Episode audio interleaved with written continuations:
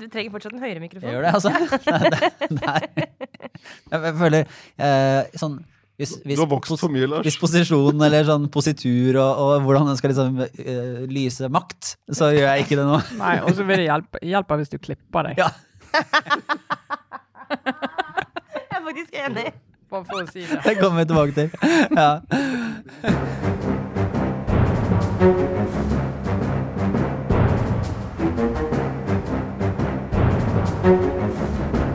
Sånn, da er vi i gang med denne ukens Aftenpodden. Vi er på plass, alle fire i studio. God morgen, god morgen, Sara Sørheim. Hallo!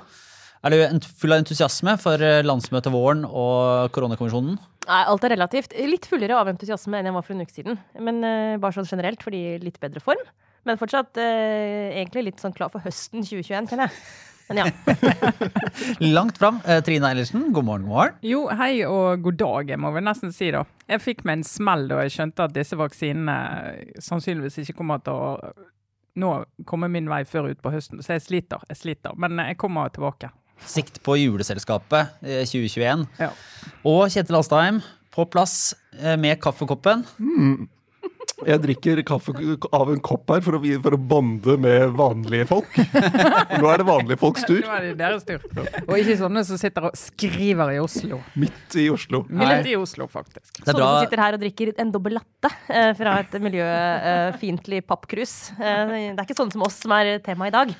Nei, fordi Jonas Gahr Støre, eh, Arbeiderpartileder, innledet eh, landsmøtet eh, nå torsdag formiddag. Han starta dagen allerede med å stemple deg, Kjetil Alstheim, som en som sitter og skriver midt i Oslo. Fy søren. Altså, en tøffere anklage kan ikke jeg helt uh, Altså, Hvordan forholder du til dette? Nei, altså jeg kan jo ikke nekte for at jeg gjør det. Det er jo på en måte et faktum. Det er et faktum. Så um, nei, det var uh, Han ble konfrontert med en kommentar jeg skrev om uh, at Arbeiderpartiet vant byene og glemte dem etterpå. Hvorfor, hvorfor snakker de så lite om Når de er så opptatt av forskjeller, hvorfor snakker de så lite om der forskjellene er størst? Og det er i byene, ikke bare i Oslo, men også i andre byer.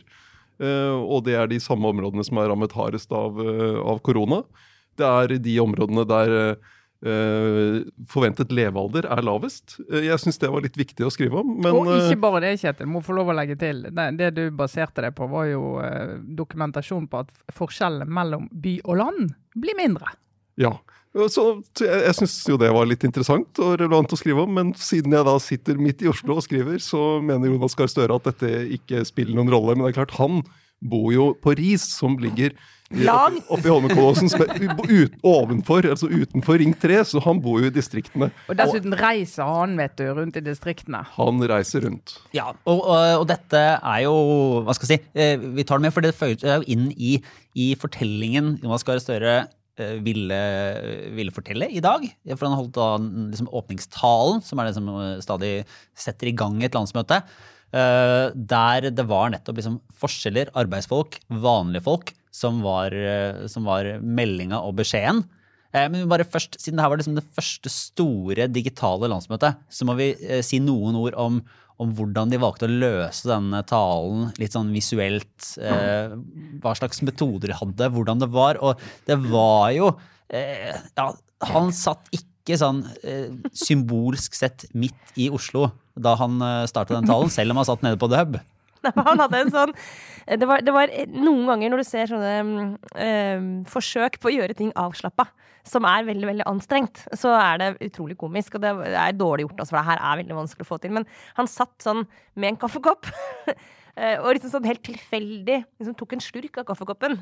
Da liksom det ble klippet over på Støre. Sånn tok seg tid til å liksom ta en sånn slurk av kaffen, og så hei, hei, folkens. Var, altså, så jeg vil si eh, et klar sånn rip-off av eh, Trygve Slagsvold Ja. Vedums store kaffekoppstrategi. Så det var liksom ok, Senterparti-referanse. Eh, det var faktisk referanse nummer to, for i den innledende videoen så hadde de jo allerede gått gjennom både en sånn en eh, sauebonde og eh, mye sånn eh, seminasjonal Traktor. romantikk. De hadde med traktor. ja. Ja. Selvfølgelig hadde de traktor. Ja, det var liksom, det, det, altså Vanlige folk bor ute på en gård og driver med et eller annet sånn dyreorientert. Det var egentlig budskapet. Kjapp kommentar om det, for det er jo trenden på landsmøtene de siste årene. Har jo vært eh, fantastisk norsk, norsk natur, eh, gårder, sauer, nydelig, alt sammen. Det er ikke mange som har i filmene sine eh, noen trange leiligheter i Oslo øst, en arbeidsledig som ikke vet hvordan dagen skal gå, eh, elendighet og sprøytestikk og det, det passer liksom ikke. Nei, det, er ikke det, vi- det er ikke det vi skal jobbe med. Vi skal jobbe med at eh, flere har lyst til å bo ute i den fine naturen vår. Det Men det, det er jo, ja, det vil jo kanskje måtte inspirere til noe, noe man kan se opp og fram mot. Ikke så mye sånn se så fælt noen har det. Det er Nei, men det er noe med hva er drømmen, da. Altså, jeg synes det er bare superinteressant å se på. Altså, det, hele poenget med sånn innledning, sånn som det vi fikk nå før talen til Støre, er jo å skape en stemning og en følelse hos de som ser på. Det er jo liksom slå an tonen. Og den stemningen og det som da tydeligvis er ment for å skulle være, det skal være oppløftende, og du skal sitte igjen med sånn god følelse. Det er sånn det gode landet vi bor i. Og for meg så er det sånn Jeg kjenner ikke dette landet. Jeg vet, jeg, og det, er ikke, det trenger ikke å være negativt, altså. Men jeg bare, jeg vet, hvem er de menneskene? Jeg vet ikke helt. Det er ingenting i den videoen som, som forteller om min hverdag. Men du er, det er ikke deg de skal treffe, Sara. Det har stått i Dagens Næringsliv. Det, du er ikke relevant i år. Nei, det, har jeg, det, det er notert. Feil det sånn. kjønn, feil alder og feil inntekt. Og feil by. Og feil by, ikke Ja. minst. By i det hele tatt. By i det hele tatt, ja. Men, eh, og så fortsatte det, bare for å ta et, et lite poeng til fra det rent sånn visuelle, digitale, eh, symbolske, eh, så, så talte Jonas Gahr Støre foran en strikka vegg. Det er for å vise at partiet ikke har raknet, kanskje. Ja. Jeg vet ikke. Som også var sånn Oi, her, her, bare, her smøres det på med nasjonalromantikk. Eh, men uh, Han kom seg opp til talerstolen, får vi han- kanskje si. Fra ja, den der dype og, og, og som du vel nevnte her, Trine, man skal ha sympati med, har- med digitale grep. Jeg kritiserer ingen når de forsøker å gjøre et digitalt møte litt mer interessant og litt mer gøy. Dette har sliter jeg med jeg vil nesten si på daglig basis sjøl. Så jeg bare sier jeg, jeg, jeg, skal bare, jeg skal se, jeg skal observere, jeg skal lære, men jeg skal ikke snakke stygt om noen som prøver å gjøre noe gøyalt på et digitalt møte. Så jeg bare sier eh, godt jobbet. Men har du prøvd? Unnskyld, vi skal tilbake til Jonas, men jeg må bare Har du prøvd Strikkevegger ikke prøvd. Nei. Nei, Men bra. sånne forskjellige bakgrunner har man jo prøvd. Også, men Forskjellige en, for, bakgrunner har man prøvd, og da plutselig forsvinner håret mitt hvis jeg beveger meg, for det blir sånn rart. Men Fordelen med disse digitale landsmøtene, er jo, i hvert fall med dette, er jo at eh, partiledertalen blir litt kortere. eh, og det de er jo ofte, gjerne en time, noen ganger drar de seg over. Nå var det vel eh, under 40 minutter, drøy halvtime.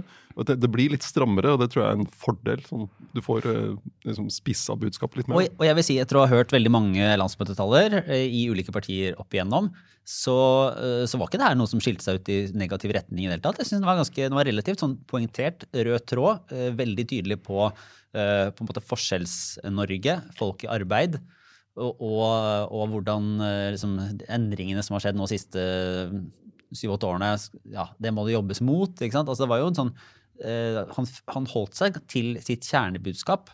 Ikke? Jo, jo det, det, det er enig og det tror jeg er eh, noe av det de har klart i løpet av, i løpet av eh, vinteren og våren, er å, å gjøre det budskapet litt mer konsistent og litt tydeligere, og, og, og holde fast på det. Så det, det tror jeg han klarte også med den talen. Jeg tror også, Det nevnte han selv, i hvert fall en gang, kanskje flere også, det at han har leda programarbeidet selv. Det, det var et litt rart grep, og det syns jeg fortsatt vel egentlig er litt rart. At partilederen sitter og leder liksom, eh, partiets programarbeid. Det pleier å være et utvalg som gjør det, og leverer et forslag inn til partiledelsen, på en måte. Men Støre har valgt selv tydeligvis å være veldig hands on uh, dette året, og det gjorde han et poeng ut av selv i dag. Og det kan kanskje ha vært lurt, faktisk, for å styrke han på at han faktisk står for Arbeiderpartiets politikk og kan den inn og ut, og er en premissleverandør for det. Så han fremsto som trygg, og som han, han eide liksom, det budskapet han skulle levere, på en annen måte enn han har gjort før, syns jeg. Så sånn sett en, en bra tale, sånn, også på form, da. Og heldigvis, å bare legge til det, jeg tror ikke det var noen sånne referanser til sånn semipersonlig sånn en eller annen, et eller annet sykehjem eller noe du har vært på. Altså, det, er sånne, det er ofte sånn klamme grep man gjør for å liksom fremstå som litt menneskelig i sånne taler, som jeg syns ofte bare virker helt mot sin hensikt. Ja, det, det ikke grepet noe. er- litt sånn oppbrukt, merker jeg. Men, ja. men, jeg også, ja, men Støre har holdt flere gode landsmøtetaler, må jeg si. da, og jeg syns jo også den er også, Hva er hensikten med en landsmøtetale? Jeg liker jo den tradisjonen veldig godt. Eh, Det med at partilederen åpner møtet og liksom drar opp det store lerretet og, og liksom skal oppildne sine, sine folk. Det er jo noe av det aller viktigste. Det sitter jo ikke 500 000 nordmenn og ser på den talen. Det sitter masse medlemmer i Arbeiderpartiet og et par til. Og sånn som oss, da. Sånn at Du må liksom vite hvem du snakker til, og så må du være opptatt av hva soundbites er det som kan gå ut og bli spredd til flere. da. Eh, Så han skal jo oppildne de, og da er det jo forsterke inntrykket av at eh, vi har vært gjennom åtte år i helvete. Det er viktig. Og si at nå skal vi begynne å se lysere på det. Og så er det liksom å komme med noen sånne vise. Her har vi vridd politikken sammenlignet med før. Og han har jo vridd politikken tilbake til røttene, om du vil. Eh, sant? Altså, du skal kalle dem sånn New Labour-fasen i Arbeiderpartiet er definitivt over. Den er definitivt over, altså.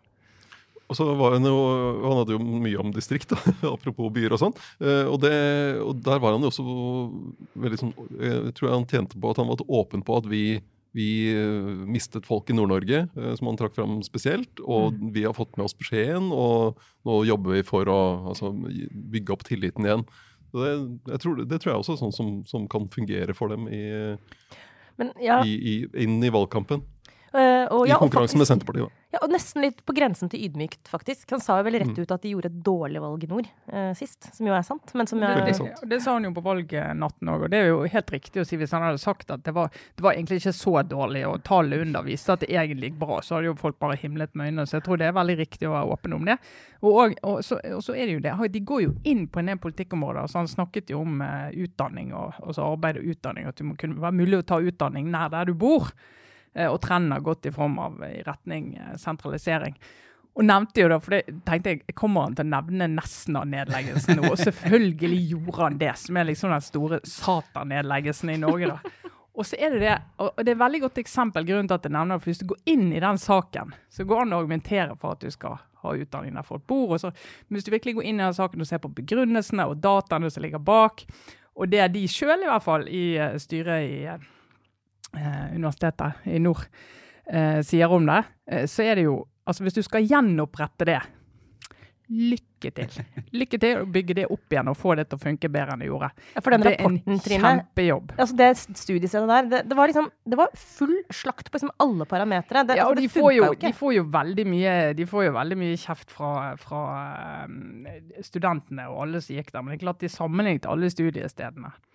Eh, altså Bodø og Levanger og Stjørdal og alt sammen. Og på Nesna så sto det altså du har eh, fagmiljøer med lav forskningsproduksjon, kun samlingsbaserte utdanninger og svært få tilstedeværende studenter. Altså er jo ikke studenter der. Eh, få kvalifiserte søkere til fornying av fagmiljøet. Svært lav tilgang på godt kvalifiserte studenter. Altså Studentene, de som er i den sin målgruppen, de har lyst til å studere andre steder. sant? Eh, og veldig høye kostnader knyttet til lokal infrastruktur. Altså det er litt sånn ganske sånn nøktern greie, da, men så blir bestridt. Og sier, ok, Så det er ikke bare det å gjenopprette det studiestedet, det er så grunnleggende endringer som skal til. Og Grunnen til at jeg nevner det, er at det er en del sånne saker, så veldig sånn sterke symbolsaker, hvor det er en forventning fra velgerne. Ja, da må de gå inn og gjøre om på det. Inn og gjøre om på det. Og det er også noe med hvordan du skal bruke den politiske kapitalen hvis det er det du skal gå i gang med. altså.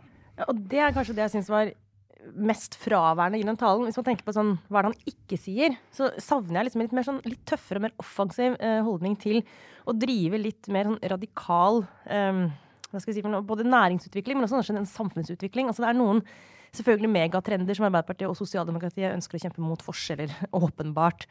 Men f.eks. da å ha, holde et studiested kunstig i live med lav kvalitet på studiene fordi det er god symbolpolitikk.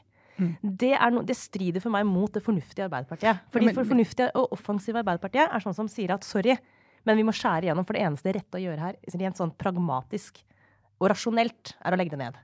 Der syns jeg Støre blir veik.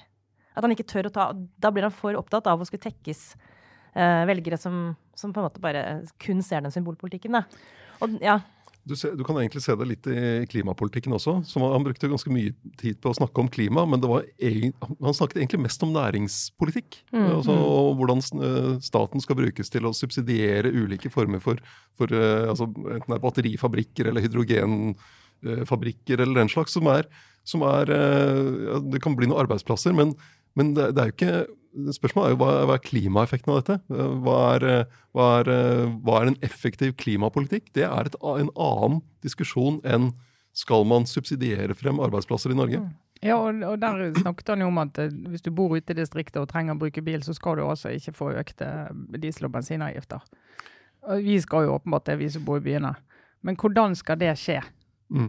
Det, ja, jo, det er fordi de har Ja, det de, det de hadde i forbindelse med klimameldingen nå, var en sånn at de skulle få, ha noen lettelser i veibruksavgiften i, i distriktene. Og sånt. Og, er, og, de er opptatt av at klimaomstillingen skal være rettferdig. Og det har jo vært en viktig diskusjon internasjonalt. Hvordan får det til at dette blir rettferdig mellom rike og fattige land? Men når du drar dette helt hjem til Norge, så blir det litt sånn øh, hva, Hvilke tiltak kan du da sette inn? Eh, og skal, skal, klima, skal klima, alle klimatiltak være rettferdige? Eller kan, kan du, skal du bruke andre virkemidler for å utjevne forskjeller i samfunnet?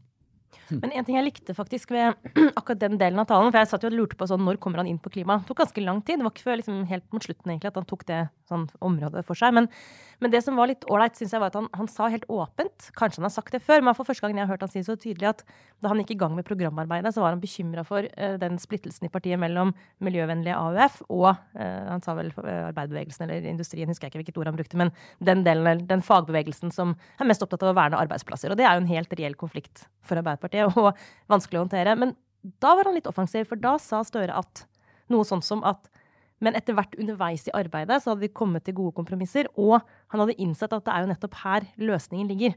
Altså i et godt samarbeid mellom liksom, miljø, altså de som kjemper klimakampen, og du må få med deg uh, Han sa ikke næringslivet, han tror han sa Jo, han sa faktisk til og med næringslivet der. At du må få med deg de kreftene der, i det samarbeidet der, at du må finne de gode løsningene. Det synes jeg, det er nok, Den tanken følger jeg. tenker at Det ansvaret ligger, det kan Arbeiderpartiet lykkes med internt, men det vil også være viktig liksom, utenom partiet.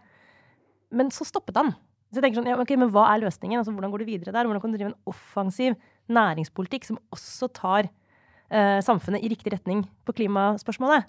Det gikk han ikke inn i. Det men her, men her merker jeg, det, det var jo del av det som jeg kanskje synes gjorde at den talen eh, var relativt god, var at han ikke gikk inn i så veldig mange sånne detaljer. fordi det ofte eh, sånne landsmøtetaler kan ende opp i absolutt koldtbord og hummer og kanari ja. hvis man skal liksom gå inn og, så, og fortelle hvordan ja. du skal gjøre ting på alt mulig rart. Ja. ja. Uh, men vi kan jo gå videre til litt sånn saker. Bare én siste ting på, på, gjennomføringen sånn digitalt. Så syns jeg det var interessant uh, å se noe av det vanskelige med å holde en sånn tale som jo vanligvis holdes foran flere hundre mennesker i et sånn tett uh, folkets hus. Ja, ikke sant? Klapper masse, en stor sal, men, men det er trangt og varmt og folk har liksom kommet fra hele landet, og det er en sånn forventning når du går inn på en landsmøte på den salen og liksom på Folkets hus, og folk hilser på hverandre. og det er liksom den Følelsen av at bevegelsen ja. er der, og entusiasmen er der. Og nå har de jo til og med litt, relativt gode målinger sammenligna med de siste månedene. Og en sånn stat, par statsministermålinger som ikke er noen krise for Jonas Gahr Støre, og liksom litt optimisme. Men det er vanskelig i den talen å få den entusiasmen når du liksom vanligvis ville fått en applaus, og så skifter du tema. Eller liksom vanligvis ville fått et løft. Mm. Ja, han sa jo til og med i dag sånn Her ville vi nok normalt ha gitt kommet med en applaus, sa han jo ja. selv i talen. Som er sånn uh... du lagt på en sånn applaus når du gjør sånn komiserie? Det var det de gjorde! Ja, gjorde de det? Ja, men, og da hadde den uh, For det, jeg måtte gå tilbake og se den på nytt. Ja, for Jeg hørte bare applausen. Trodde at det satt noen på det hubbet der? Nei. Ja, det tenkte jeg òg. Forhåndsinnspilt? Ja, og så gikk de i loop? Ja!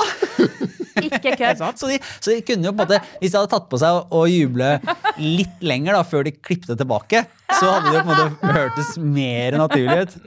Nei, var det det? Ja. Ja, men Var det helt åpent? Jeg, så, jeg, hørte bare, jeg så ikke. Var det sånn Nei, altså, de, hadde, de, de, hadde, de hadde lagd en skjerm sant, som et sånn digitalt møte der du så eh, typ 30 eh, politikere som sitter rundt i landet. Som, eh, som, og klappet, liksom. Og klappet, da, og hoia og jubla litt. Uh, som, da, som de spilte av en Et par-tre ganger? Ja. og det er veldig gøy. Oh. Så, altså, ok, Men den, ikke, altså, den, som aldri har driti seg ut digitalt, kan kaste den første sten. Ja. Vær så god. Jeg gjør ikke heller så, det. Men uh, la oss gå videre til det som kanskje kan ses på som et sånn drastisk grep da, i, i norsk politikk, som er rusreformen, som vi varsla at vi skulle komme tilbake til. Uh, det snakka vi litt om da regjeringa kom med sitt forslag, som, som, i utgangspunktet var noe de ble enige om da Frp også var en del av den borgerlige regjeringa på Jeløya i Når var det det var? Føles som en evighet siden. Eh, 2018. ja, ikke sant. Etter, ja. Mm. Og uh, Som innebærer altså en, en, ny tilnærming til rusfeltet i Norge. eh, der mindre doser, altså innehav av mindre doser narkotika skal avkriminaliseres. Uh, I mm. motsetning til ikke legaliseres, men da ikke følges opp med samme type straff. Og helsevesenet skal gå inn og, og ta seg av dette i større grad enn i dag. Og siden Frp gikk ut av regjering, ikke lenger støtter dette KrF er jo med i regjering støtter, støtter, det, på, heller støtter det heller ikke sånn på ingen måte. men de har sagt at de skal stemme for. KrF kom jo inn i regjering etter at Jeløya var forhandlet med ja. Venstre, som jo er pådriver her. Så, og så da er egentlig spørsmålet eh, om Arbeiderpartiet vil gå for eller mot å redde rusreformen, eller måtte sette det tilbake til start på et eller annet vis. Og den, eh, den debatten går midt gjennom Arbeiderpartiet. og er det spennende å se hva utfallet blir? Altså det, det, det, sies noe at avkriminalisering, f.eks., er det et antydes at det er et flertall mot i Arbeiderpartiet? Ja, men det er ikke åpenbart.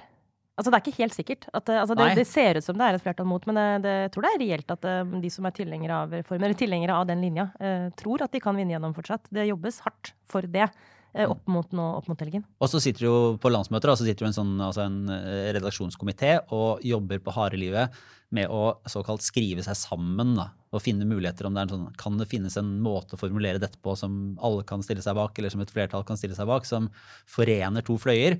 Eh, Men eh, her er det jo ganske steile fronter, så det ser ikke sånn umiddelbart veldig enkelt ut, Kjetil? Nei, og det er veldig hard tone i debatten.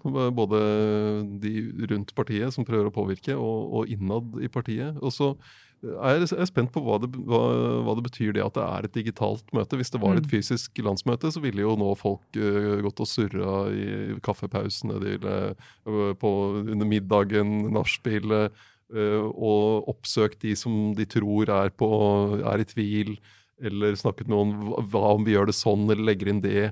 Altså, hvordan du skal greie å, å snekre de kompromissene i, i en sånn digital verden. Da. Skal du ha liksom sånn fraksjonering i et breakout room? Eller? Ja, det funker liksom ikke å ta det på Slack. Men jeg så Jon Reidar Røyen, som er, han er vel sosialpolitisk talsperson i, i Oslo Arbeiderparti, og veldig veldig tilhenger av, av rusreformer og av å avkriminalisere. Han mente at det kunne være en fordel, og så sa i Klassekampen at det at folk sitter alene og stemmer, kanskje kan gjøre det enklere å stemme etter overbevisning. Eh, og han mener jo da at den, da kanskje flere kan stemme for en reform som også er litt hefta ved at den da kommer fra eh, høyre og venstre, og ikke eies av Arbeiderpartiet selv. sant? Så Det kan være litt vanskelig å se forbi akkurat det også, når du skal sitte og gi, avgi den stemme. Men han appellerte til at du må bare kjenne etter måte, inni deg, og liksom, hva er riktig. Og han mente da at det digitale møtet kanskje kunne gjøre at du liksom, kunne vippe det i riktig retning. Det er jo spennende å se. Ja, og De vet jo ikke helt hvordan det går. Altså Rødt-landsmøtet endte jo opp med noen ganske merkelige eh, si sånn, eh, vedtak. Litt fordi man liksom ikke kanskje hadde helt kontrollen på hvordan det skulle fungere når delegatene sitter rundt hver for seg. Så det er litt sånn åpent spørsmål. Snakka med noen i Arbeiderpartiet i, i går som var sånn det kan, det kan bli mer radikalt, kan bli mindre radikalt. Ja. Det, og, og egen overbevisning er jo veldig individuelt i akkurat den saken her. Fordi det er så mange som har en eller annen semipersonlig kobling eller har en erfaring i sitt liv som gjør at man faller ned på den ene eller andre sida og mener at det eh, på en måte åpenbart er den mest riktige tilnærminga. Jeg synes tonen eh, i debatten minner litt om når Arbeiderpartiet står i de verste sånn asyl-innvandringssakene, som også er vanskelig for, for det partiet. Og du får en del av de eh, gamle storheter fra partiet på utsiden som engasjerer seg veldig hardt. og du får en sånn, Dette er en diskusjon om partiets sjel. Altså er du en ekte sosialdemokrat eller ikke? Og det er jo denne debatten også blitt. sant? Og Det er så vondt for partier når du har en diskusjon som handler om at hvis du er uenig med meg, Lars, så betyr det at du er egentlig ikke en ekte sosialdemokrat. Du vil ikke egentlig det rette for mennesker. sant? Ja, det er interessant. Det er er nesten ide- identitetspolitikk, på en måte, for Ja, det, det, det er Mm. veldig, veldig, Derfor så er det ikke så lett heller. og nå Rent sånn teknisk er det ikke så lett å lage kompromisser. Akkurat det spørsmålet med avkriminalisering, eh, det er liksom et null eller én. Eh, Men det er også rent sånn på, på helheten, også på kompromisser, da, så er det ikke alltid så lett. Så er det eh, interessant, å for det, er jo en, det er jo, ligger på en måte en by-land-dimensjon her, og ikke minst sånn storby mot middelstor by-dimensjon, som, som jo er der. Og så er det en sånn klassisk arbeiderbevegelsesspørsmål. altså eh, arbeiderbevegelsen og avholdsbevegelsen som sto sammen og, og skulle på en måte passe på å verne mot rus. eh, kontra liksom den andre som er mer sånn eh, liberal-delen av arbeiderbevegelsen. Og de liksom finner sitt sånn solidaritetsbegrep i litt ulike ting. Mm. Men jeg tror det slår inn eh, veldig hardt øh, hva slags opplevelse man sitter på sjøl, som du var inne på, Trine. At det, alle har et forhold til rus på en eller annen måte. Og det former også hvordan du tenker rundt politikken. Og, men når det gjelder særlig dette med avkriminalisering, som er nettopp der hvor det smerter, så, så jeg kan forstå at sånn helt overordna så oppleves det som ugreit å avkriminalisere narkotikabruk fordi man, man ønsker ikke at folk skal bruke narkotika. Man er redd for liksom, det signalet man sender da. Det, det kan jeg skjønne, altså, at, liksom, at det kan oppleves som det er helt feil retning å gå. Da sier vi på en måte indirekte at dette her er ok. Vi syns jo ikke det. Men jeg tror her er, det må jeg bare innrømme med en gang, det sa jeg forrige uke også, her er selvfølgelig jeg farget av hvor jeg har vokst opp, og hva jeg har opplevd. Men hvis man har sett effekten av å komme helt feil ut fra startblokka fordi du blir behandla som en kriminell når du skulle hatt eh, helsehjelp, eller psykolog, eh, mental helsehjelp, eh, og, og sett effekten av det, så blir det liksom det argumentet som at, om at det er symbolsk gærent å avkriminalisere, det faller til stengrunn, eller hva det heter for noe. Fordi vet du hva, det er ikke symbolpolitikk, dette her. Det er eh, politikk på liv og død. Og da må man liksom sørge for å ha et system som ikke gjør, det, ikke gjør vondt verre for folk som allerede sliter.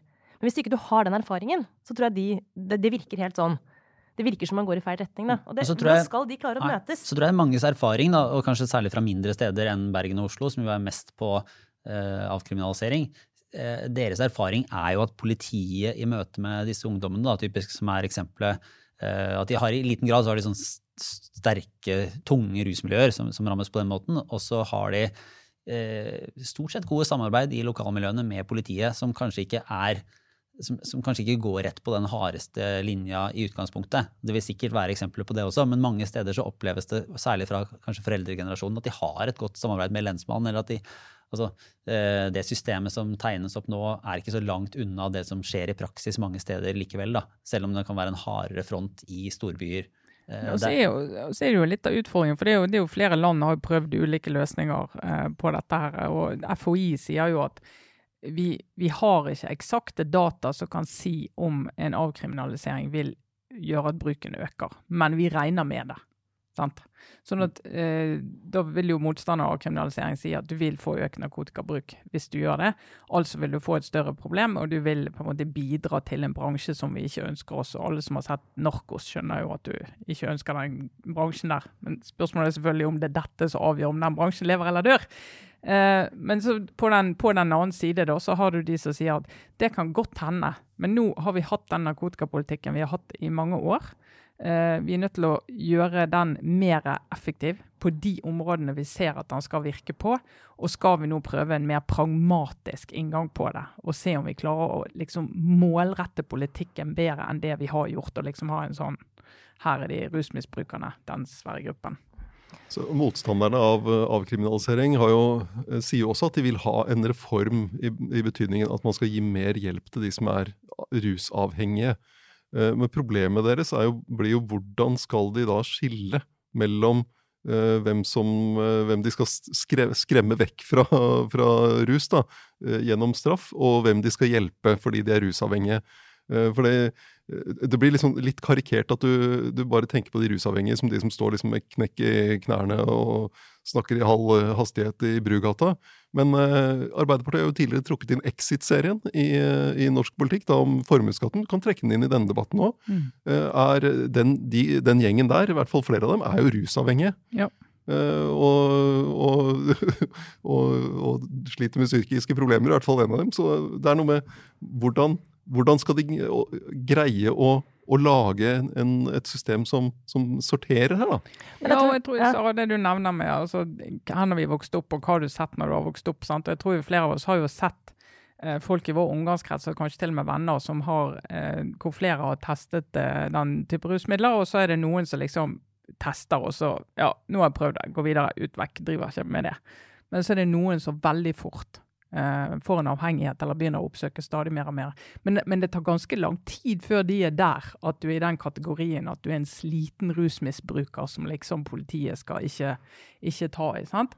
Så det, det, det er en lang fase før de havner der, hvor du må liksom se hvordan skal du få kontakt med dem, og hvordan skal du få dem til å gå en annen vei. da. Eh, og de er jo altså, ikke sikker på at den kriminaliseringen er det som er avgjørende for om du får til det. Nei, for her er det også sånn avslutningsvis noen utrolig viktige poenger som har kommet litt frem i debatten, som er liksom hvordan dette mm, storsamfunnet, da, liksom, eh, etater, offentlig, den, off, de off, den offentlige armen som kommer og finner deg liksom, i oppveksten. Altså, hvordan, hvordan fungerer det møtet mellom da offentligheten, eller det offentlige helsevesenet, og eh, enkeltpersoner, eller, og ikke minst politiet, da.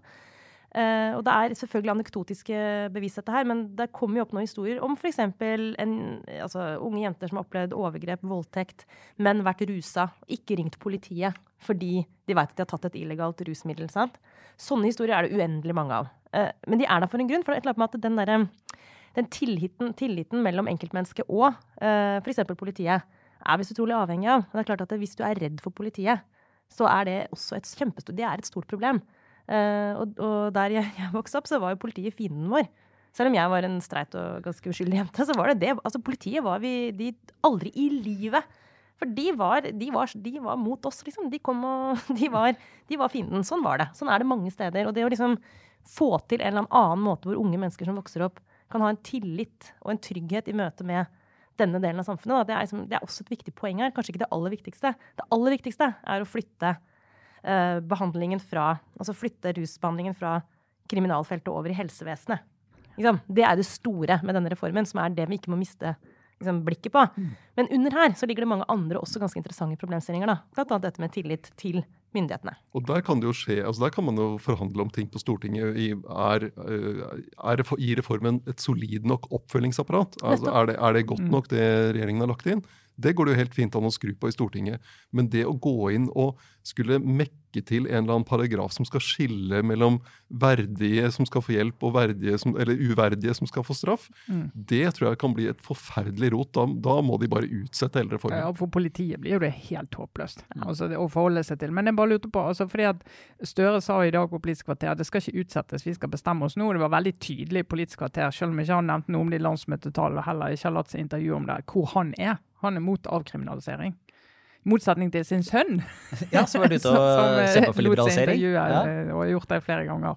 eh, Og mener det er tiden for det. Men det syns jeg alltid er positivt i en familie, når eh, folk innenfor samme familie går ut og mener vidt forskjellige ting i samme sak. Det Ja. vitner om en sunn oppvekst. Det heier vi på. Så er det mye rart i den uh, rusdebatten, og også i andre partier. vi skal si det sånn. Sylvi Listhaug har jo kjørt veldig hardt uh, i Fremskrittspartiet for, å, for at de skal være imot uh, rusreformen.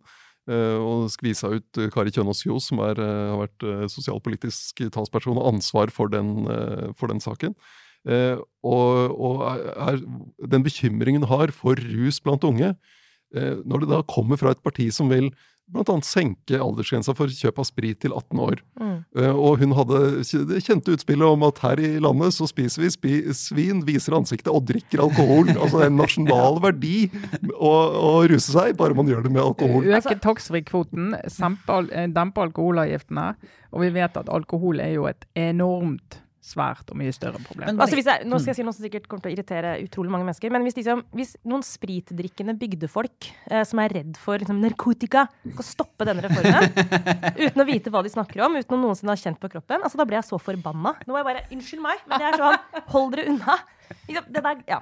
Og, og da, da jeg må innom Senterpartiet her, eh, og Trygve Ja. Slagsvold Vedum. her Ja, vet mener jeg han har utfordret grensene for populisme i Norge på helt Han, han ble, var i Dagsnytt 18 denne uka og ble konfrontert eh, med det Riksadvokaten har sagt, om at eh, politiet har ikke rett til å drive og ransake mobilen og lommer og kroppens hulrom til, på, på små, når de finner små mengder narkotika på, på eh, folk. Uh, og så var Vedums svar at uh, det er hele tiden angrep på norsk politi. Høyre hold, har, har heller ikke stått opp for norsk politi. I bunn og grunn er norsk politi kjempedyktige. Ja, ja, de er kjempedyktige. men Det er ikke det som er sa saken her. De skal jo holde seg til de, de reglene som gjelder, og de, de fullmaktene de har. Og da vil jeg nevne et annet eksempel. I fjor var det en stor sak med Mattilsynet. De hadde vært på inspeksjon ved en, pel, en pelsdyrgård i Sandnes, og hadde jukset. Det ble en stor sak, særlig i Nasjonen, og på Stortinget. og Det ble vedtatt ekstern gransking av Mattilsynet, som var en stor seier for Senterpartiet. Dette syntes de var kjempeviktig.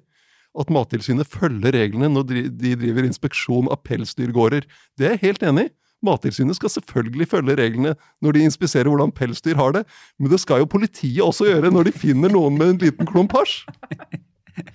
Men eh, bare helt til slutt på Arbeiderpartiet og, og denne Fordi jeg har en teori uh, likevel, da, men det er en debatt som nå går rett gjennom Arbeiderpartiet. Veldig personlig for mange. Eh, fordi de har erfaringer, og fordi de, på en måte, det, det går liksom på menneskeverd og solidaritet og sånne ting. Men min lille teori er at det er ikke den verste debatten Arbeiderpartiet kunne hatt eh, sånn politisk. At det kanskje ikke er noe som, eh, selv om de, de må falle ned på et eller annet, men inn i valgkampen så er det ikke noe som nødvendigvis kommer til å rive Det er ikke sånn rive partiet i filler-debatt. da. Så det ville vært verre hvis de hadde hatt en sånn en eh, veldig stor industri mot miljø-sak eller en innvandringsdebatt. At det her er tross alt Jeg er ikke helt sikker på det, for det er vond den der, det her, det, det her går inn i den ganske krevende eh, by-land-situasjonen, for å kalle det, i Arbeiderpartiet akkurat nå. Den, altså hvis Oslo Arbeiderparti blir overkjørt av landsmøtet nå på denne saken, som er utrolig viktig for veldig, veldig mange, også i Bergen og Oslo. Jeg tror ikke det, altså, Jo, men det, det er det er ikke rammene kanskje sånn velgermessig, nei, det har du kanskje rett i. Men for, altså, for ja. liksom partiet, det er ikke en god eh, Konfliktlinjen her er liksom ikke så veldig konstruktiv. For Men det er, jo et, det er jo et stort mindretall som tapte i Oslo Arbeiderparti òg. Så det er jo ikke sånn at hele Oslo Arbeiderparti står eh, jevnt bak dette på, på, på, på samme måte som i en del andre saker. Det her er jo en altså, Eksempel, eller parallell. Eggdonasjon i Høyre. Det er jo òg en sånn sak som virkelig, virkelig eh, utløser aggresjon på landsmøtet. sant? Og utrolig tøffe runder. To landsmøter trengte de for å lande det standpunktet de lander på. Eh, og i helt tatt altså har med det å gjøre. Og det er veldig harde fronter, veldig personlig. Eh, men jeg tror ikke folk eh, lar være å stemme Høyre pga. hva de nå lander på eh, i den saken der, og gå til et annet parti. Det tror jeg faktisk ikke. I veldig stor grad. Eh, og jeg tror heller ikke for partiet at du får sånn desillusjonert. Så nå bare slutter jeg på akkurat den saken. Det kan hende den uh, rusdebatten kan uh, sammenlignes med det. Usikker, Sara. Kanskje Ja. du har rett. Men, Ja, eh, men, det, men det er mer sånn fordi at du har hele den der Du har jo en konservativ strømning i Arbeiderpartiet. Det har du jo i arbeiderbevegelsen. Mm. Altså konservativ med utgangspunkt i verdier. sant? Altså, jeg kan og Sammenligna med det som har vært av eh, personkonflikter og annen eh, drit i Arbeiderpartiet de siste åra, sånn så, så tror jeg at det her er noe som de liksom kan leve ganske greit med. En sånn relativt saklig uenighet. Jeg tror de, de hardeste frontene har fram til nå i hvert fall vært også utafor partiet. da. Men det blir jo, det blir jo spennende spennende å følge. Dette er ekte politikk. Og så er det, jo det, er det jo det at hvis de utsetter, altså hvis du liksom skal lage regjering med SV og Senterpartiet, og så skal du prøve å få Audun Lysbakken med på at eh, nei, vi er, vi er mot avkriminalisering, eller du skal få Vedum med på at uh, dette skal jammen være kriminelt, og politiet gjør faktisk ingen feil i arbeidet uh, mot uh, rusmisbruk. Det er jo ikke gøy å sitte i den situasjonen heller, hvis det er det du skal Det blir ikke lett. høsten på. Men nå- Før vi går videre, ja. skal vi bare takke de lytterne som har sendt innspill Ja. til oss. Det Mhm. er så gull. Tusen takk. Altså, jeg har fått innspill fra folk som hørte på forrige uke når vi sa vi skulle snakke om dette her. Det er så fint. Tusen takk. Ja, Ja. Veldig veldig eh, meningsfylt og vel, velartikulert eh, innspill der. Og så vil jeg bare si at eh, for de som absolutt ikke kan få nok av Arbeiderpartiets landsmøte, så eh, lanserer vi en, en, et nytt lite prosjekt som er et slags landsmøte-nachspiel. Der er Kjetil og jeg, og dere er velkomne, dere også Trine og Sara, men jeg mistenker at dere kanskje ikke kommer til å kunne være med så mye. Det går egentlig bare på med nachspiel som finner sted fysisk med alkohol. Ja. Så, øh, men som er altså en, en relativt kort podkastoppsummering av landsmøtehelgene framover inn i våren og sommeren, som vi håper å, å kunne komme med antageligvis en mandag morgen. I hvert fall en, en liten ekstrautgave som gjør at vi får fanga opp det som skjer, og kan analysere litt mer av det som, som har foregått på landsmøtene. Så det er det bare å følge med på i den vanlige podkastfeeden. Så håper vi at det skal bli bra. Men det har jo skjedd litt annet denne uka her også. Vi har sett fram, Det er kanskje ikke like mye sånn vår i lufta og, og sitring og spenning i salen, men desto mer sånn dyp bekymring og alvor i det eh, koronakommisjonen la fram sine funn her på onsdag denne uka. Eh, helt eh, kort, var dette altså, konklusjonen bra, overraskende bra eller overraskende dårlig for regjeringa? Det var som en ulmebrann, syns jeg, den konklusjonen der. For det var liksom sånn si- eh, Blei verre og verre. Stryk på beredskap Uh, og M minus på gjennomføring. Når du først, altså, si at, hvor hvordan forbereder du deg på at en krise kan skje? Hvor mye har du gjort før det faktisk skjer? Har du gjort lite eller mye? Jeg? Du har gjort ingenting, strengt tatt. Vi skal se på det som faktisk kom. Og det, og det varte omtrent frem til 11. mars i fjor. Det var jo det som var ganske rystende, i hvert fall for meg. At det skjedde så lite mellom nyttår og mars. En ting er at alle skjønner at det ikke regjering, ingen regjering hadde greid å se at vi skulle få akkurat en sånn pandemi som eh, har akkurat de symptomene, akkurat eh, truer helsevesenet på akkurat den måten. Eh, men det var likevel ting du kunne gjort både med ja, Altså, Vi kunne sitte i podkasten og være idioter og ikke, ikke Ja, se hva som kunne det, skulle men vi komme. har ikke det som jobb. Nei, nei. Det er forhåpentligvis andre områder. Det- er det skal landet være glad for. Det skal landet være veldig glad for, at ikke vi satt der. Men eh, jeg håper jo at eh, neste gang at man tenker at mm, når vi får sånne signaler, skal vi i hvert fall lage en skisse til hva tiltak vi skal bruke når det faktisk smeller, eller skal vi vente til dagen før vi er nødt til å gjøre det. det sånn at det er stryk på forberedelse og beredskap. Men så fikk de jo ve veldig egentlig sånn gode skussmål på ok, så kom krisen, så måtte det håndteres. Eh, helt sikkert ting som kunne vært gjort annerledes, og det som blir særlig problematisert, er skolestenging, så jeg tror kommer til å stå igjen som en forferdelig beslutning. Og grunnlaget for den beslutningen var også forferdelig. Eh, men de får gjennomført eh, godkjent på det, fordi at dødstallene er jo lave. Økonomien har klart seg relativt bra sammenlignet med andre steder. Og liksom konsekvensen av pandemien, selv om når vi sitter og ser litt nærsynt i Norge at de er store nok, de også, men sammenlignet med andre land så er det ikke eh, veldig ille. Ja, fordi For Erna Solberg, da, som, som gikk til valg i 2013 på eh, beredskap, ganske sånn eh, eksplisitt på, i kjølvannet egentlig av 22. juli og Gjørv-kommisjonens rapport om, om beredskapen mot terror, så var det sånn dette skal vi gjøre bedre. Vi skal, vi, vi skal sikre Norge, sikkerhet, beredskap nøye. Men på alle de feltene, den lista som, som Kvinnsland kom med, som leda utvalget, eh, over ting som ikke var bra nok, den var ganske, sånn, den er ganske stygg når den blir lest opp punkt, på, punkt for punkt på, på manglende forberedelser, eh, dårlig, liksom, manglende rollefordeling, Mm. eh, altså manglende grunnlag. Det, det, ser jo ikke bra ut. Hvor stort som politisk problem er det her for Erna Solberg? Eh, det, det, jeg mener jo at det er et eh, stort politisk problem for henne. Det var noe av det hun eh, kom med tydeligst løfter om i valgkampen og i regjeringserklæringen i 2013. Så det, det, skulle hun ha levert på, det har hun ikke levert godt nok på. Hun, hun, hun skulle jo ha en egen person på SMK som kunne koordinere beredskap og liksom virkelig sikre at alle som skulle finne hverandre og skulle forstå hvem som hadde hvilket ansvar, det skulle ikke være et problem.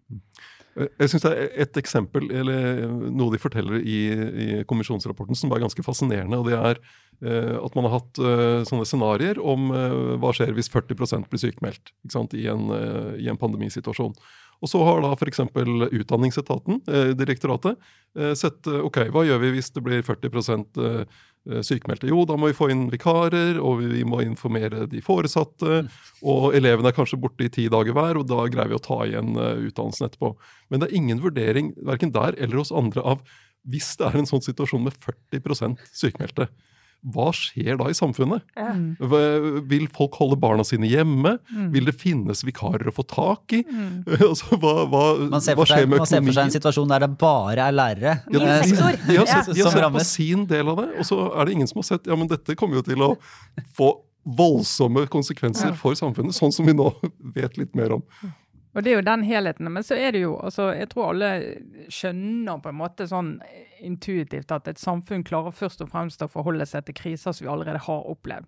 Altså I Norge har beredskapsdiskusjonen de siste ti årene handlet om eh, 22.07. Og det er ikke så rart. Det har foregått beredskapsdiskusjoner på andre områder. Sant? og Vi har fått opp mer cyberberedskap og liksom snakket om det. og sånne ting.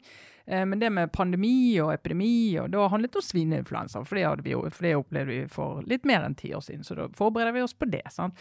Så jeg tror moduset til eh, veldig mange er å forberede seg på det vi har erfaring med. For så går vi inn, og det kommer vi til å gjøre nå Så går vi inn og ser hva gikk galt denne gangen. Kan vi gjøre bedre neste gang? Nå setter vi alle folkene våre på å sikre at vi ikke kommer i den situasjonen igjen.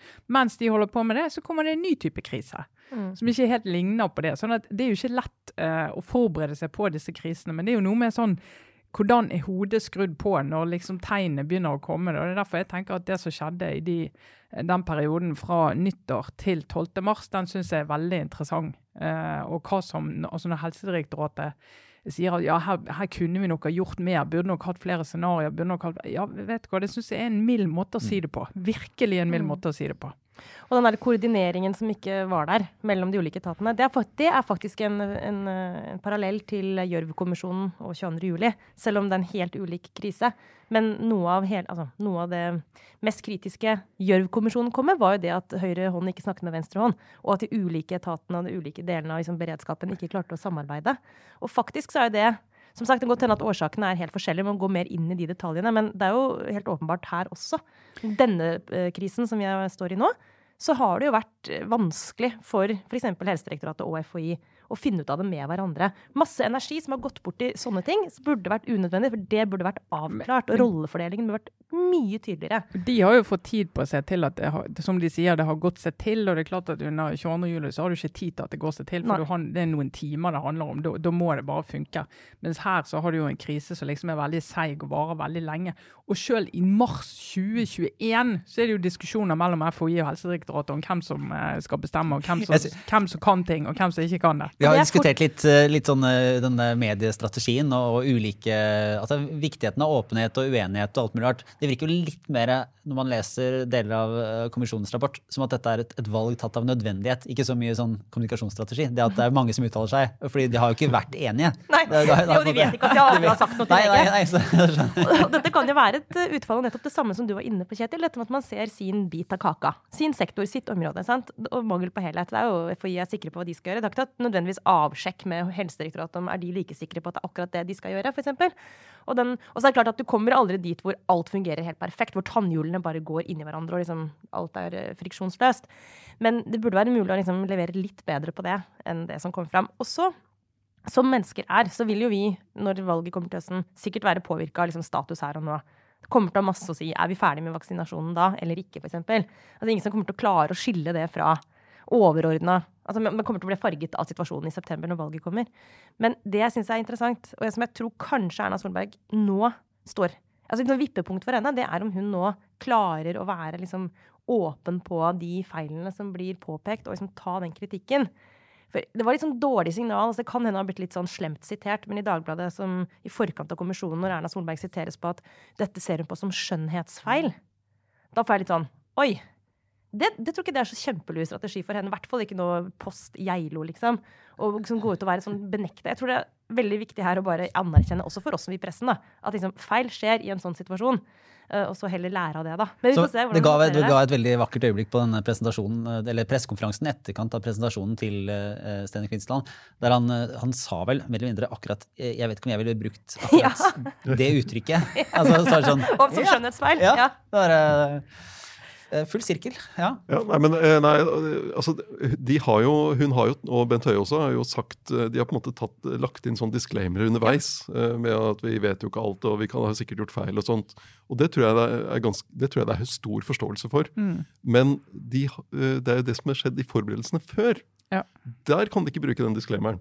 For det, Der visste de at de skulle bedre beredskapen, og så får vi en konklusjon fra kommisjonen på at her var det store mangler. Ja, men, men hvor, hva, hva, det betyr for velgerne i høst, det er jo Der tror jeg jeg er helt, jeg er helt enig med Sara i at da vil Altså, er du vaksinert og happy og ja, hverdagen tilbake? Liksom.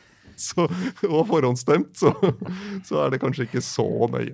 Kan jeg bare si også, så Vi snakket om det med form på digitale presentasjoner. At det går også Det, det må jeg si, det er koselig at denne um, kommisjonen, som da er regjeringsoppnevnt, beinhard, Jobba sikkert altså Ingen grunn til ikke å ha annet enn full tillit til arbeidet. Superprofesjonelle. Men liksom står det en sånn koselig gammel fyr og liksom presenterer sånn utrolig fomlete og noen sånne hjemmelagde slides og litt sånn Sånn gjør vi det her i dette landet. Ja, det, det var fint. Det var, det var, det var sånn uh, slides uh, lagd på det fullstendige minimum. Altså, vanlige, sånn, folk, vanlige folk ja. signalet, ja. Corporate communication har ikke vært liksom, inni dette arbeidet. Det var et veldig tydelig signal. Der, nei, jeg, vet, men var, ikke, kanskje det var et sånn avansert spill, for det var litt sånn tillitvekkende. det var akkurat det det var. var litt sånn, ja, nei, det var en slide for langt, ja. ja nei, jeg går litt tilbake. Ja, Dere får stå her litt, så får dere lese.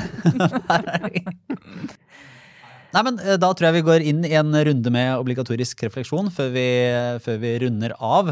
Eh, jeg vet ikke om du har lyst til å begynne, Sara? Og jeg koser meg med litt sånn true crime igjen. Det, uh, heter det det? True crime? Ja. ja.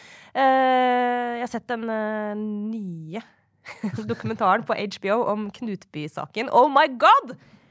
Herregud! For å si noe veldig presist, vil jeg si. Denne ja. sammenhengen her. I blind tro heter den. Er den, er den HBO International, sånn at den er sånn uh, amerikanske skuespillere og den biten der? Eller er det mer Nei, det kan, Hvilken, hvilken dokumentartradisjon går den inn i? Det er dokumentar, men dette er når, når, det er sånn en skandinavisk serie som er sånn på HBO, så er det jo alltid HBO Nordic. Altså, bare så det er sant. For det er en svensk, det er en svensk dokumentar uh, laget av to journalister. Og det kan jeg bare si med en gang, da. Dessverre. Apropos skjønnhetsfeil. Her kan vi snakke om skjønnhetsfeil av en ganske sånn alvorlig grad, fordi at historien dere husker sikkert den. Knutby-drapet i 2004. Herregud, den historien er vanvittig. Og nå går de inn i den og forteller den på nytt. Går gjennom bevisførsel og rettssaken og finner ut ganske mange nye og tankevekkende ting. Men alt fortelles av to sånne karer, to journalister, som er Altså, de er så parodi på sånn gravende journalister at det ødelegger for en fantastisk historie. Altså, jeg blir helt gæren. De har sånne tilsynelatende naturlige monologer seg imellom som er sånn ekstremt ikke-naturlige. Som er sånn Hei, har du funnet noe? Ja, vent litt. Vent litt, her står det noe i telefonloggen. Som er sånn Ingen snakker til hverandre sånn. Man kan ikke bare ha en vanlig voice? Kan du ikke bare liksom Ikke prøve å lage sånn. Og så står de, og så går de rundt, og så ser de sånn mystiske ut, og så er de sånn veldig veldig pompøse mannlige dødsflinke journalister. Og det er sånn, dere lager TV, dere slipper ikke unna med den der vanskelige digitale presentasjonskvoten til Eilertsen. Her, her, er det litt strengere. Men, men, du anbefaler den? No mercy når det gjelder form. Altså, Gå og skjerp dere. Ikke gå og vær så selvhøytidelige, patetiske journalister. Vi er selvhøytidelige og patetiske, men trenger ikke å vise det fram til hele verden. Så bortsett fra det for en story! Se den. Det utrolig interessante her. Kort, fordi dette kunne jeg snakket om i timevis, skal jeg spare dere for. Men ehm, I blind tro, som jeg sa, heter jo dokumentaren, og det er bare altså så fascinerende hva nettopp det kan gjøre med et menneskesinn, og hvilke type handlinger du kan, du kan begå hvis man liksom er fanget i en sånn veldig, veldig, veldig skråsikker oppfatning av hva som er rett og galt. Og en sånn pussig ting er jo at dette her er jo hvite, veldig pene, veldig normale eh, middelklasse, øvre middelklassemennesker fra Sverige. Altså, de ser akkurat ut som oss, bortsett fra det med pene, kanskje. men, eh, men de er liksom De er oss. Og det skjer med dem. Men det er klart at hadde du flytta dette over til en IS-setting, f.eks., eller noen ekstreme eh, fanatikere eh, et helt annet sted fra, så vi med en gang satt på kontoen sånn Ja, de er, liksom, de er fundamentalister. Ekstremt Mm. troende. Mm. Men det er akkurat de samme mekanismene som Men forskjellen er at dette her skjer i en setting som er veldig veldig kjent for oss. Det, er, det, er, det skjer hos oss. Det er utrolig interessant, og det, kan, det sier jo noe om at dette er jo noe som ligger for mennesker. Men det er jo radikalisering. Er Akkurat det. Det er jo radikalisering, For det, det finnes jo masse masse, masse kristne som ikke er der. Definitivt. Eh, og så er det noen Heldigvis. da som, som sklir ut i det sporet der, akkurat som det er med muslimer og med høyreradikale, og, altså, som starter et sted, og så plutselig så er de radikalisert ut i et eller annet hvor det er helt svart-hvitt, Mm. og så kommer de inn i en sånn det er oss mot resten. Ja. De andre forstår ikke. Men en, men en ting som kommer frem i serien, er at hvor vanskelig det var for rettsvesenet å fatte den dimensjonen ved denne saken.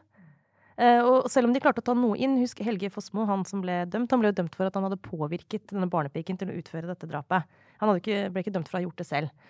Um, og der skjønte de jo at det var snakk om en form for hjernevasking i dette systemet, men, men det var ikke i nærheten i rettssaken. De var ikke i nærheten av å virkelig komme inn på hvor omfattende den hjernevasken var, eh, og hvilke enorme konsekvenser det har fått. Det kom jo en rettssak for et par år siden også eh, mot hun som ble kalt for Kristi brud. Eh, som viser seg at det var jo mishandling og andre, andre ting som foregikk i menigheten.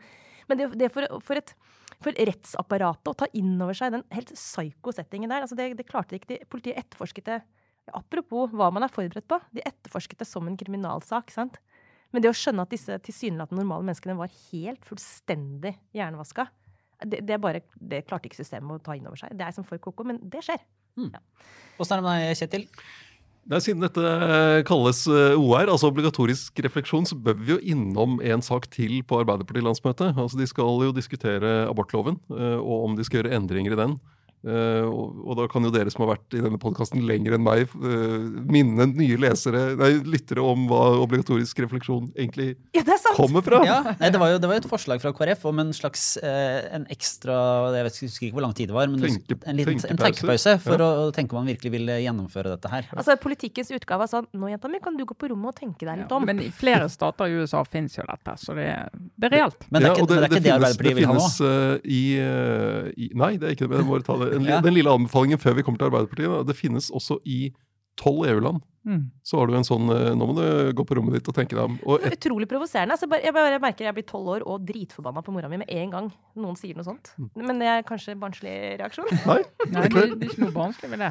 altså, eh, og Belgia er et av dem. Så Politico Europe har eh, en, det et stykke fotojournalistikk der de har der Fotografen har møtt tolv kvinner som forteller om hvordan de seks dagene med obligatorisk refleksjon var for dem. Å.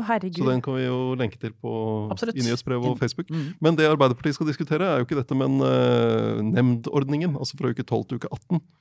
Der et mindretall vil fjerne nemndene og ha selvbestemt abort til uke 18. Og så et flertall, der også Jonas Gahr Støre er med, som vil ha en utredning av nemndordningen. Så det er jo en av de sakene vi kanskje må snakke om når vi skal oppsummere i løpet av helgen. Hmm. Da kan jeg egentlig fortsette. for Jeg, går med et dilemma som jeg nå skal ta inn i gruppa. Eh, Fordi det er et koronaspørsmål. Som jeg, fordi jeg har slitt med det her. og nå har kommet, Til din egen koronakommisjon. til min egen koronakommisjon, som, som har nå, nå må det tas en avgjørelse. Fordi jeg har, jeg har ikke klart å bestemme meg på om det er eh, på en måte, Skal jeg være solidarisk med eh, smittevernet og ikke eh, gå til frisøren? Eller skal jeg være solidarisk med eh, frisøren som trenger en business, og, og gå og klippe meg? Og, og, og nå er det altså, det, det er nødt til en kritisk Du har egentlig ventet for lenge, vil jeg si.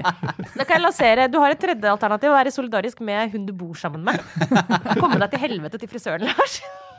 Men solidarisk med smittevern, det må du eh, beskrive for meg. Nei, For. Du mener at du vil bidra til smitte ved å gå og klippe deg? Nei, altså i, i utgangspunktet så vil du at folk skal eh, måte, ha minst mulig eh, kontakt med andre. Altså stay the fuck home-hashtagen? Ja, liksom. ikke sant. Ja. som er sånn eh, Skal jeg da Og en, nå skal ikke jeg stemple frisører som noe mer utsatt enn andre, men de, ja, de er bedre utsatt enn andre, da. Vil jeg tro. For de har jo- det. Nei, men, hei, men de, altså, hvis de har folk inne hele dagen Ja, Men det er ingenting som tyder på at det er Nei, spesielt mye smitte der. Det er jo Nei. noen som har gjort denne vurderingen for deg, Lars. Og det er, det er det de sånne har. folkehelsemyndigheter, Folkehelseinstituttet, som kan mye om smittevern. Og ja, men, de mener gjort en avveining. men de sier jo ikke 'gå alt det du kan' i Nei, eh, men- blomsterbutikker i Oslo, for selv om de er åpne. Ja, men Betyr det at når butikker åpner igjen og restauranter åpner igjen, så skal du holde deg hjemme fordi du skal være ekstra flink? Nei, men de sier jo 'gå én person på matbutikken', for eksempel. Ja, og det gjør vi jo. Ja, Ja, men det er fordi du legger igjen like Det er da mye de penger. anbefalt. Og så sier de hvis du skal til frisøren altså Frisørene har jo laget seg en sånn smittevernveileder som alle bruker. Og det liksom kommer inn, og det er sprit, og det er munnbind og ditt og datt, og begrensning på antall kunder og alt det. Og det funker. Og vi må jo bare prise oss lykkelig over at det fins virksomheter som kan fungere under disse nedstengingene. Særlig frisør. Og la de få lov å fungere. Så du mener at det er solidaritet med uh, de arbeidene som, som skal vinne fram? Absolutt. Så jeg mener altså, her er det bare å bruke tjenester eh, som fins der ute, som er åpne. Jeg bruker eh, Jeg går med, til frisør med innlevelse og entusiasme. Og alt annet som ligner på det. Jeg bruker faktisk mer enn den før. Ja, så jeg prøvde å ramse opp her nå hva jeg går til av sånne én-til-én-tjenester nå. Altså, det er helt sjukt. Jeg tror det er den største utgiftsposten jeg har. Eh, det er ikke tull engang. Mer enn matbudsjettet. Er sånn, alt fra massasje, frisør, neglepleie, psykolog, ikke minst. altså fysioterapeut. Ja, vet du, Det er ingen frisører som som takker deg for at du sitter hjemme og, Nei, men- nei, og liksom var- tar en ekstra Nei, det var jo ikke for frisøren som skulle takke meg for det, da. Det var jo i så fall eh, altså Erna Solberg eller Raymond Johansen eller Det jo Så lenge du ikke har Solberg 13 må- på sushi, så går dette bra, Lars. Ja, og så vet du Erna Solberg som må bruke mer oljepenger for å kompensere for alle de som ikke får inntekter, hvis alle sitter og tenker nei, jeg skal ikke gå til frisør og fysioterapeut og blomsterbutikk. Så må de Å ja, nå må dere òg ha. Nei, må gå, må bruke de tjenestene som er åpne. ja, eh, Så da- fort som mulig. Ja. Hashtag vaksinepass. Altså, hvis, hvis du ikke er nyklipt nå med neste innspilling, så tror jeg du havner i problemer her. altså. Altså, jeg, det, det ser jo ut som jeg er heftig pådriver for rusreform, eh, så nå tror jeg det skal tas affære.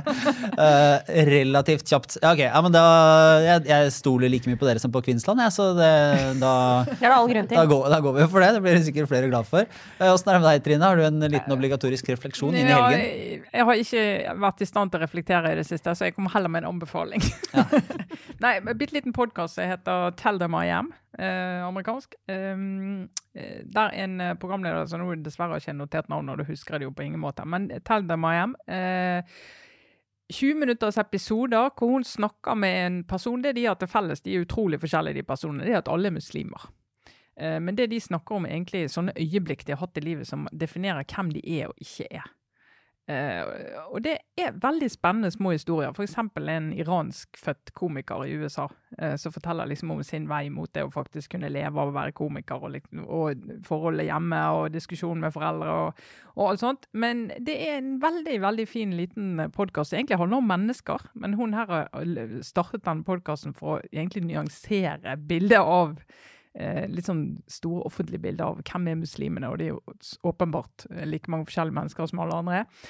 Eh, Så det er en eh, nydelig, fin liten eh, podkast. Er det på en måte, er den, og er den liksom religiøse overbygningen så tydelig at, uh, at det er en rød tråd, eller er det mer sånn tilfeldig? At, at det er liksom, den, er, den er god ikke, altså, ikke sånn på grunn av eller på tross av, men at den er sånn at det er helt, egentlig uvedkommende når man hører på at Ja, det er egentlig uvedkommende. Det er klart at det er jo, alltid, det er jo ofte et tema, fordi mange av disse har jo følt at de har skilt seg ut pga. den religiøse bakgrunnen, eller de har vært i konflikt med familien fordi at de er egentlig veldig sekulære. eh, Sånn at det er en del sånne ting. Men, men mange av de grunnleggende tingene liksom, Ja, min familie ville at jeg skulle bli lege eller advokat, men jeg hadde lyst til å bli komiker.